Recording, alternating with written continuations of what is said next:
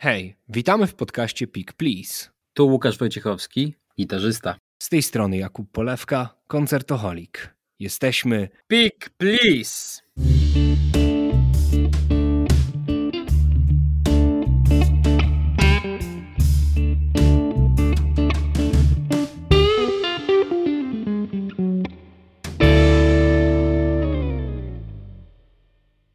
Witamy wszystkich w kolejnym odcinku Pick Please. Łukasz Wojciechowski się kłania, ale zapowiem mojego serdecznego przyjaciela e, troszeczkę nieszablonowo.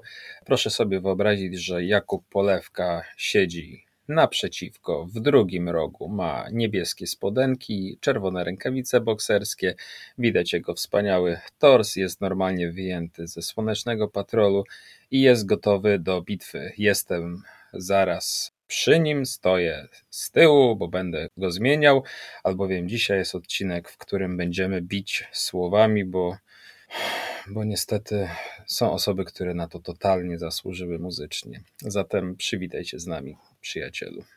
Witam serdecznie słuchaczy, witam Ciebie Łukaszu. I tak, no dzisiaj przyszła pora na nasze podsumowanie drugiej połowy stycznia i pierwszego tygodnia lutego, a oj, działo się.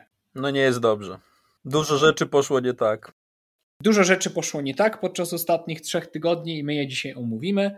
Ale powiedz mi najpierw jakieś takie pozytywne tematy. Miałeś jakąś płytę, która ci się podobała w ostatnim czasie? Oj, miałem. Miałem płytę, która mi się wybitnie podobała.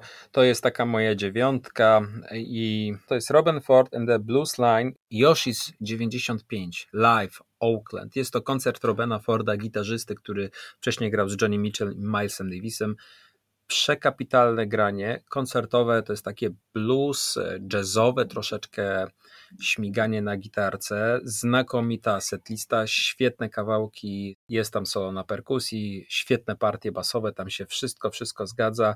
Jest to Robin Ford w swojej najlepszej dyspozycji. A druga płyta to jest Free, Feed the Flame, koncert z 1971 roku. Minusem tej płyty jest to, że ma jakość trochę no, nagrywaną z kalkulatora, ale dla pasjonatów dobrej gitary, dobrego wokalu, fajnego blues rockowego grania, jeśli jesteście w stanie to jakoś tam zdzierżyć, to dostaniecie free w absolutnie najlepszej odsłonie. Kapitalnej formie jest Paul Kosow, w świetnej formie jest Paul Rogers, który śpiewa pięknie, ale to, co tam robi Paul Kosow na gitarze, oh my god. Tyle. No tak, do takich bootlegów to trzeba mieć cierpliwość. Ja mam jeden taki Alman Brothers Band, to jest chyba ich pierwszy koncert, który jest zbootlegowany po śmierci Dwayna Almana i tam jest tak, że on brzmi jakby go ktoś nagrywał na magnetofon, ale stał przed tą salą, przed tym budynkiem w ogóle. W połowie się jakoś poprawia, mam wrażenie, że ktoś mu okno otworzył i było więcej słychać przez to okno z tego koncertu, więc ja wiem coś o takich bootlegach, ale dla prawdziwych fanów nie ma żadnych barier i, i, myślę, że jeśli ktoś free lubi, to na pewno się za ten bootleg zabierze. Ja mam jedną płytę, która była fajna. John Mellencamp, Strictly One-Eyed Jack. No i muszę powiedzieć, że jest to album naprawdę, naprawdę solidny. Mellencamp ma totalnie inny głos niż kiedyś. Przez chyba palenie papierosów jego głos się totalnie obniżył, jest taki zachrypnięty. John Mellencamp nie za bardzo brzmi jak ten stary Mellencamp, ale to jest naprawdę dobry songwriter. Te piosenki są fajnie napisane. Gościnnie na dwóch numerach występuje Bruce Springsteen. Wszystkie numery na zasadniczo na tej płycie się zgadzają. Do tego jest jakieś solo na saksofonie w ogóle. Fajny album, przyjemne słuchanie. Żadne arcydzieło, ale po prostu taki niezobowiązujący album do sobie posłuchania w ciągu dnia. Naprawdę polecam. No dobrze, Łukaszu. Więc to jest odnośnie albumów ale słyszałem, że ty chciałeś się podzielić nam z najnowszymi pomysłami w Polsce odnośnie radia. Proszę Państwa, partia rządząca w Polsce, PiS, wpadła na cudowny pomysł, żeby znowelizować ustawę o Krajowej Radzie Radiofonii i Telewizji, a jej zamysłem jest zwiększenie ilości polskiej muzyki w radio. I między godziną 5 rano a 24, czyli północą, no ma być minimum 80% takiej muzyki. Obecnie to jest mniej więcej tam 33% prawdopodobnie.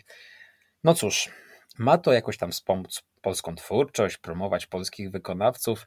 WTF o co chodzi?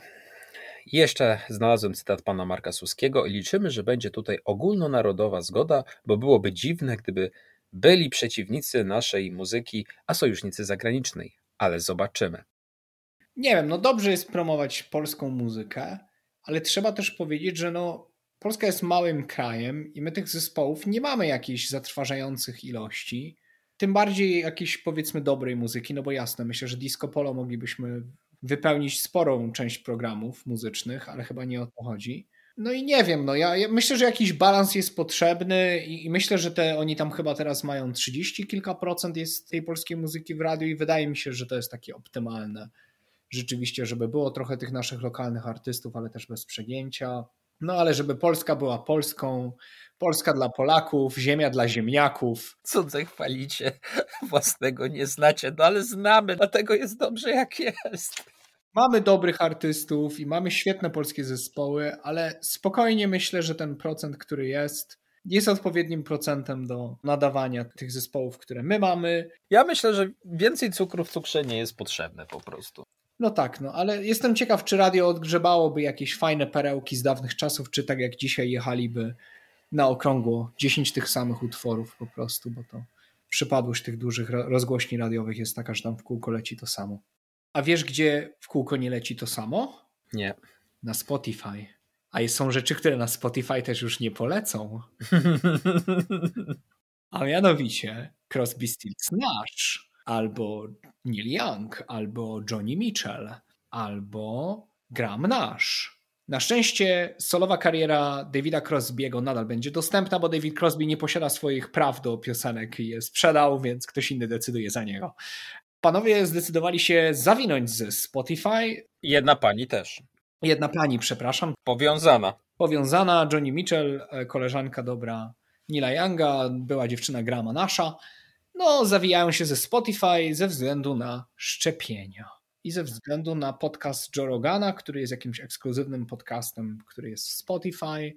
Joe Rogan zaprasza gości kontrowersyjnych, którzy nie chcą znaczy chcą, ale nie zostają zaproszeni do innych podcastów, bo ludzie się boją zapraszać tych gości, a Joe Rogan się nie boi, zaprasza różnych. Już zostawmy kwestię Joe Rogana, jakiegoś jego politycznego kompasu, powiedzmy. Zaprosił kogoś, ktoś tam skrytykował szczepionki, mówił jakieś nienaukowe e, bzdury na, na antenie. No w każdym bądź razie Neil Young się obraził, obrazili się pozostali, powiedzieli, że albo oni na Spotify, albo Joe Rogan, jak ten, to oni wycofują swoją muzykę. No, ja nie wiem, ja powiedzmy nie jestem jakimś fanem Joe Rogana, ale powiem szczerze, że dla mnie to taka trochę bitwa na łopatki w piaskownicy. Dzieci się po prostu okładają łopatką, bo jeden drugiemu zburzył zamek z piasku. Na Spotify jest, z tego co słyszałem, chyba 40 tysięcy różnych podcastów, w tym nasz. Ja wiem, że ten jest niby tam ekskluzywny dla tego Spotify, że oni mu coś tam płacą. No ale no to tak, rzeczywiście, to dobra, Neil Young, będziemy walczyć z establishmentem, ja się przeniosę w takim razie na Apple Music, bo uwielbiam niewolniczą pracę dzieci, albo na Amazon Music, bo przecież to jest najwspanialsza firma na świecie. A Jeff Bezos ostatnio w Rotterdamie rozbierają jakiś zabytkowy most, bo jacht Jeffa Bezosa się pod nim nie mieści. Także na pewno e, dzięki Neil zdecydowanie myślę, że przeniosę się za tobą na Apple Music albo na Amazon Music, żeby posłuchać twojej muzyki. Ale stary, jest to strasznie smutne, że Johnny Mitchell nie chciała naszego towarzystwa. Bo ja to odbieram trochę osobiście jednak. Bo my, żeby było jasne, szanowni państwo, my uwielbiamy tych artystów. Tak, ja jestem wielkim fanem Crosby, Stills, Nash i Nila Younga i Johnny Mitchell w ogóle. Wszyscy są u mnie w jakimś moim osobistym top 10.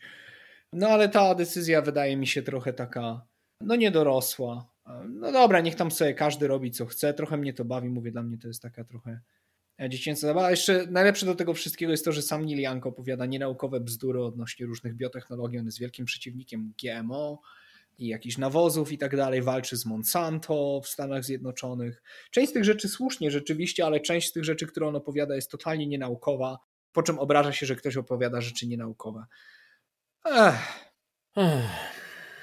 No szkoda, no ale od razu uspokajamy, że znaczy tutaj zazdroszczę Mikołajowi i części moich kolegów, którzy mają Tidala, bo tam oczywiście twórczość rzeczonych artystów pozostaje i na Deezerach i innych platformach ona dalej jest. Nie no tak, jak ktoś lubi, jak dzieci pracują niewolniczo, to śmiało na Apple Music się przenosić.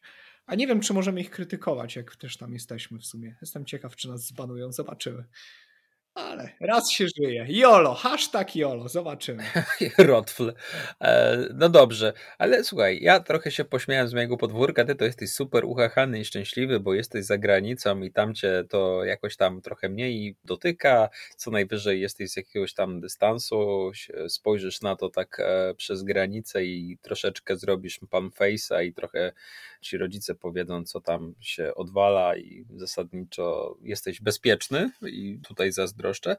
No ale jakby nie było, nawet Polska cię dotknęła i pewien kryzys się pojawił w pewnej kapeli polskiej, którą ty uwielbiasz. Wielka Orkiestra Świątecznej Pomocy w Legnicy zaprosiła Budkę Suflera. Ja jestem wielkim fanem Budki Suflera. Jestem fanatykiem tego zespołu po prostu. Mam książkę o Budce podpisaną przez zasadniczo prawie każdego żyjącego członka Budki Suflera. No, jest to mój ulubiony polski zespół po prostu, ale to, co się dzisiaj tam dzieje, to woła o pomstę do nieba. A mianowicie, wiadomo, Budka Suflera, nie żyje Romuald Lipko już kilka lat. Zmarł jakoś tuż na początku pandemii, z tego co pamiętam. Krzysztof Cugowski nie śpiewa Budce Suflera. Zamiast tego są panowie. Robert Żarczyński, który ja widziałem go z Budką też przed pandemią, jeszcze jak Lipko żył. No to jest taki pan, który śpiewa trochę jak Wodzirej w zespole weselnym. Cała sala, ręce w górę, bujamy się! A teraz klaszczmy! Super się bawicie! Legnica! Uuu! No i to jest, to jest pan Żarczyński. Wokalnie ujdzie ja mam takie troszkę przaśne, przaśne vibe po prostu z tego, co się tam dzieje. Do tego pan Randka w ciemno, Jacek Kawalec teraz jest wokalistą w ogóle. Gość ma nie najgorszy wokal, bo widziałem gdzieś na YouTube. Natomiast to, co on zaśpiewał na tym wośpie w Legnicy, no to powiedzmy, serce było, ale głos nie tam, gdzie trzeba.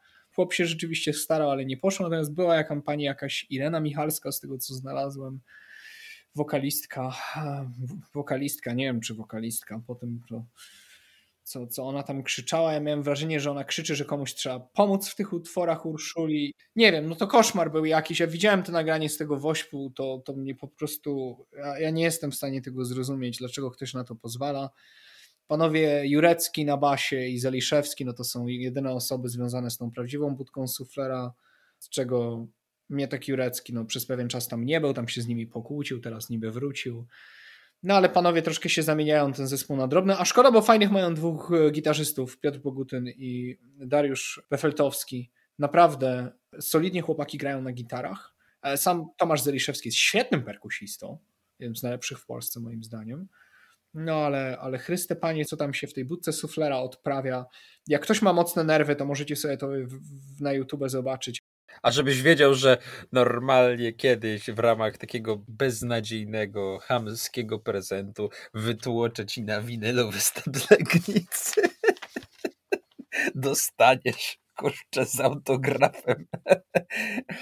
Ale może kiedyś pójdziesz na gig budki suflera nowej i tam pójdziesz na backstage i złapiesz się z tymi nowymi e, wykonawcami i będziesz mieć się trochę jak Susan Tadeski, której my jakoś tam specjalnie nigdy nie kochaliśmy, bo zawsze woleliśmy Dereka Traxa solowo, a ona wyszła i tak czule, tak fajnie po ludzku cię przywitała i innych właśnie inne osoby tam zgromadzone, bo było zimno i zaproponowała tam chyba właśnie jakąś herbatę czy coś, w ogóle tak super i całkowicie zmieniłeś spojrzenie na jej punkcie. Może z nimi też by tak było. Czy ja do nich osobiście nic nie mam? Ja mam tu większy problem z panem Jureckim i Zaliszewskim, bo, bo panowie no powinni ten interes zawinąć chyba w tym momencie już rzeczywiście, a, a, nie, a nie taką hałturę odprawiać. No ja wiem, no to jest kwestia tego, że pewnie nazwa Budka Suflera dobrze się nadal sprzedaje i przyciągnie więcej ludzi niż jak panowie sobie pojadą jako Zeliszewski i Jurecki. Zresztą jakiś zespół nawet razem mieli, nie pamiętam teraz nazwy. Oni grali też wcześniej ze sobą razem, oddzielnie bez Budki. Więc wydaje mi się, że to taki trochę cash grab jest. Ale szkoda, że to, że to jest kosztem tej marki, która rzeczywiście była czymś i była rozpoznawalna i była takim znakiem jakości, bo, bo budka nigdy się nie zeszmaciła. I powiedzmy, nawet jeśli wydawała jakieś te popowe bardziej albumy, to one były dalej muzycznie w porządku, może się ocierały trochę o kicz już później, ale, ale to była dalej spoko muzyka i kiedyś można było to bez jakiegoś przypału po prostu skończyć i, i zostawić po sobie dobre wspomnienia. Tak, znaczy rozumiem, wejście w buty Krzyśka Cykowskiego jest super łatwe, ale absolutnie już nawet nie krytykując Jacka Kawalca, który wygląda na mega gościa i osoby, które tam po prostu są w tej budce, mimo wszystko Przypomina mi się, kurczę, story Ingwiego Malmsteena, który gdzieś tam chodziły słuchy, że mógłby zastąpić życiego Blackmora w Deep Purple i niezależnie tego, czy się lubi Ingwiego, czy nie, ja uważam, że nie ma lepszego gitarzysty na miejsce Richiego Blackmora Deep Purple, bo jest to potężny fan i Paganiniego, i Richiego Blackmora i znakomicie gra numery Purple. I on kiedyś udzielił takiego wywiadu, w którym go o to zapytano. I on powiedział, że nie zrozum mnie źle, nie znam lepszej osoby na to miejsce, ale nigdy bym tego nie zrobił Richiemu Blackmorowi. I coś w tym jest. Tak, ja myślę, że to jest to. No, w sensie, panowie, może pan Rzeczyński nie ma najgorszego wokalu. Pan Kawalec pewnie, pewnie się wyrobi, bo sam wokal ma, z tego co słyszałem, w jakiejś innej jego najgorszy, ale nie o to chodzi tak naprawdę, nie? Jeśli chociaż jedno, jeden występ wyglądał tak jak ten, który, który był w Legnicy, no to, to to się nie powinno nigdy odbyć, moim zdaniem. O, no nic. No a tak właśnie myślę, że już z tego smutnego tematu Mm, szargania jakiegoś dobrego imienia, no to powiedzmy, kogo w ostatnim czasie zabrakło w tym muzycznym świecie? No dobrze. Tak, pożegnaliśmy no, jedną wybitną osobistość, jeśli chodzi o muzykę, bo chodzi o Meatloafa, lider zespołu Meatloaf, wybitny wokalista, legenda rock'n'rolla, wspaniały głos, wielki, wielki, wielki wokalista, jeśli chodzi o swoje możliwości wokalne, to był gościu, którego no ciężko było w ogóle tknąć, on był całkowicie poza zasięgiem innych wokalistów, no w zasadzie taki operowy, można by powiedzieć. Płyta Bad Out of Hell, jedynka i dwójka, bo były między innymi właśnie pierwsza, druga część, wydaje mi się, że trójka też była, jeśli dobrze pamiętam. Natomiast są to jeden z najlepiej sprzedających się albumów w historii muzyki rozrywkowej, rockowej to ja pamiętam, że kiedyś gdzieś śledziłem historię właśnie najlepiej sprzedających się płyt i pamiętam, że tam był thriller Michaela Jacksona, prawda, było ACDC, Back in Black i patrzę gdzieś tutaj pomiędzy nimi w rankingu Bad Out of Hell i patrzę, że kilkaset tysięcy egzemplarzy rocznie jest sprzedawanych. To jest bardzo solidna płyta. Tak, to jest mega solidna płyta, to jest świetne granie. A drugą osobą jest Alexander Dumble. To konstruktor wzmacniaczy gitarowych. I mówię o tym dlatego, że wcześniej mówiłem o płycie Robena Forda and the Blues Line. I zachęcam serdecznie do tego, żebyście posłuchali tej płyty. Na okładce tegoż krążka jest wzmacniacz Robena Forda, głowa tak zwana. Tam się generalnie wpina człowiek gitarą, głośniki tam akurat były oddzielnie. I jest to zdjęcie tego wzmacniacza i to jest wzmacniacz Dumble. To jest absolutnie legendarny wzmak. I wyobraźcie sobie, że jest to na pewno najdroższy wzmacniacz, to znaczy produkty tego gościa, tego faceta, Aleksandra Dumble, osiągają niebotyczne kwoty, bo on zrobił tych wzmacniaczy bardzo mało. Ale na tych wzmakach grał Santana, grał właśnie Robin Ford, Larry Carton, John Mayer. Lista jest naprawdę bardzo pokaźna i są to wybitne instrumenty, a co istotne, to są wzmacniacze, które Alexander Dumble zrobił centralnie pod konkretnego wykonawcę i każdy z nich brzmi zupełnie inaczej, ten z tych wzmacniaczy. Do tego stopnia, że kiedy Larry Carlton i Robin Ford mieli swoje piece Dumble, co było mega rzadkością wtedy, bo on się w ogóle nie reklamował, to po prostu przez jak to word to mouth, prawda, od słowa do słowa przez polecenia szło. Larry Carlton miał taki wzmacniacz, Robin Ford miał taki wzmacniacz i oni się kiedyś zamienili, tam spróbowali i każdy z nich stwierdził, że o Jezus Maria, jak to źle brzmi. I wrócili do swoich, bo każdy z tych wzmaków został zrobiony centralnie pod konkretną osobę. O tym, czy one są tyle warte, ile są warte, no to już można, prawda, debatować, ale ja sobie zadałem trud i na reverb.com, czyli takim Allegro dla muzyków, gdzie ogólnoświatowym, gdzie można kupić sprzęt gitarowy, znalazłem wzmacniacz Aleksandra Dumbla, Overdrive Special. I panie Jakubie, jaką cenę pan obstawia za samą głowę? 20 koła dolców. 658 tysięcy złotych. Okej. Okay. No to więcej, to sporo więcej. Ale nawet mogę ci powiedzieć, bo to jest w Kanadzie i wyobraź sobie, że 1974 zł jest dostawa. A to nie tak źle. Jak, jak kogoś na to stać, to myślę, że na dostawę też go stać, Łukasz. Tak, znaczy oczywiście płaci się troszeczkę za mit e, i są to wybitne ponoć zmaki, nie wiem, nie grałem, mają charakterystyczne brzmienie, ale już zamykając temat. Płyta Robena Forda and the Blues Line z 1996 roku wyszła w tym roku live at Yoshi's. Tam jest próbka brzmieniowa tego wzmaka. Ja mógłbym gadać o tym godzinami, ale to nie na dzisiaj, naprawdę. Tak, kiedyś o sprzęcie jeszcze pogadasz na pewno. A ja mam tutaj jeszcze listę paru osób, które od nas odeszły. Willie Lee Cox, wspaniały perkusista wspaniałego zespołu Ameryka folk rockowego, który ja bardzo lubię. Gość grał z nimi praktycznie od samego początku, chyba na pierwszym albumie, tylko nie czy coś takiego, aż do 2014 roku. Fajny perkarz, fajny zespół. Niestety od nas odszedł niedawno. Philip Paul, perkusista, który wyobraź sobie na labelu King's Record, który wydawał właśnie bluesowe rzeczy w wczesnych latach 60. i później 70. Grał na 350 albumach studyjnie, między innymi na większości u Frediego Kinga. Gra w oryginalnej wersji utworu Fever, która jest znana oczywiście później w wersji Elvisa Presleya. Gość był legendą tego, tego wczesnego właśnie boomu rock'n'rollowego, także on od nas też niestety już odszedł. Do tego John Zazula, producent, który zasłynął głównie tym, że był producentem różnych znanych bardzo zespołów metalowych i był na przykład producentem Kill Em All Metaliki. On też wynalazł Testament, Anthrax, Overkill, ale uwaga, wiesz czyim był pierwszym producentem? Warrena Heinza z Government Mule Almanów. Ale solowego? Tak. W ogóle, no w sensie on wynalazł młodego Warrena Heinza gdzieś tam. Na zasadzie ten chłopak fajnie gra. No także niestety John Zazula od nas też odszedł. Don Wilson z Ventures, gitara rytmiczna. Ventures to też e, bardzo klasyczny instrumentalny zespół z lat 60 totalna klasyka. Dick Halligan, pianista, keyboardzista, ale przede wszystkim multiinstrumentalista, bo grał też na Puzonie i grał w świetnym jazz rockowym zespole Blood, Sweat and Tears, który ja bardzo lubię. To jest taki w stylu Chicago jazz rock. Naprawdę świetny to był gościu, który grał tam na samym początku też. No i na zakończenie tej smutnej listy to Hargus Pig Robbins, klawiszowiec sesyjny, keyboardzista, który grał z naprawdę wieloma artystami, z Kenem Rogersem, z Connie Smith, z Patty Page, z Dolly Parton, George'em Johnson, z Bobem Dylanem, z Neilem Youngiem. Takim najbardziej znanym albumem, na którym grał to Blond on Blond Boba Dylana. To jest uznawany za nie wiem, top 3 najlepszych albumów Dylana, który ja też bardzo lubię, więc on tam był sesyjnym muzykiem. No i tak, także nie były szczęśliwe te ostatnie trzy tygodnie dla muzyki. Dobrze, Kuba, no ale chyba trzeba powiedzieć coś optymistycznego. Mamy początek lutego i zdaje się, że Niemcy trochę luzują obostrzenia covidowe, co chyba jest jakimś tam preludium do tego, żeby znowu koncerty wracały do jakiejś tam swobodnej, zewnętrznej formy na żywo, czyż nie? Bo chyba Niemcy są takim papierkiem lakmusowym, że jak już ten kraj luzuje obostrzenia, to znaczy, że wszędzie powinno być dobrze. Tak, wygląda na to, że będzie jakieś luzowanie, niedługo. Jeszcze na razie jest rozmowa o tym, nie żadne konkretne plany.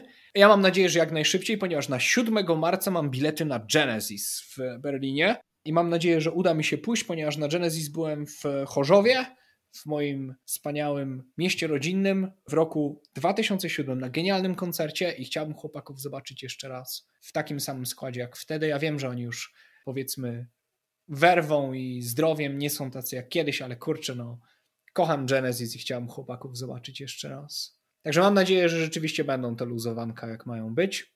Ja myślałem, że to z Bytomia jesteś. Nie, z Chorzowa. Wiem. Z Chorzowa, wiem, człowieku. Wiem. Człowieku. Jak Rysiu Riedel. Tak? No Tak. proszę, ja, nie wiedziałem, że on jest z Chorzowa. Człowieku, kiedyś szedłem w paradzie miejskiej przebrany za Ryśka Riedla.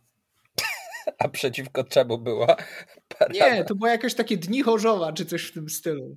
I mnie oddelegowali mnie z tego, oddelegowali mnie ze szkoły, że mamy brać, znaczy nasza szkoła była, że musimy się tam poprzebierać z jakiejś postaci, a ja jedyny miałem człowieku brodę i długie włosy. Jak mnie zobaczyli, a mieli różne stroje z osobami związanymi z naszego miasta, to od razu powiedzieli, ty, tego na Ryśka Ridla dawaj. A ty się zgodziłeś. No bo jak? No tak, nie- no, a co się miałem, A co się miałeś nie miałem zgodzić? zgodzić? Jak mi się uda odgrzebać fotę, to puścimy na fejsa. Dobra, to fajny, pozytywny akcent mamy na koniec, bo już tam się zrobiło potem trochę grobowo, a zaczynaliśmy z wysokiego C.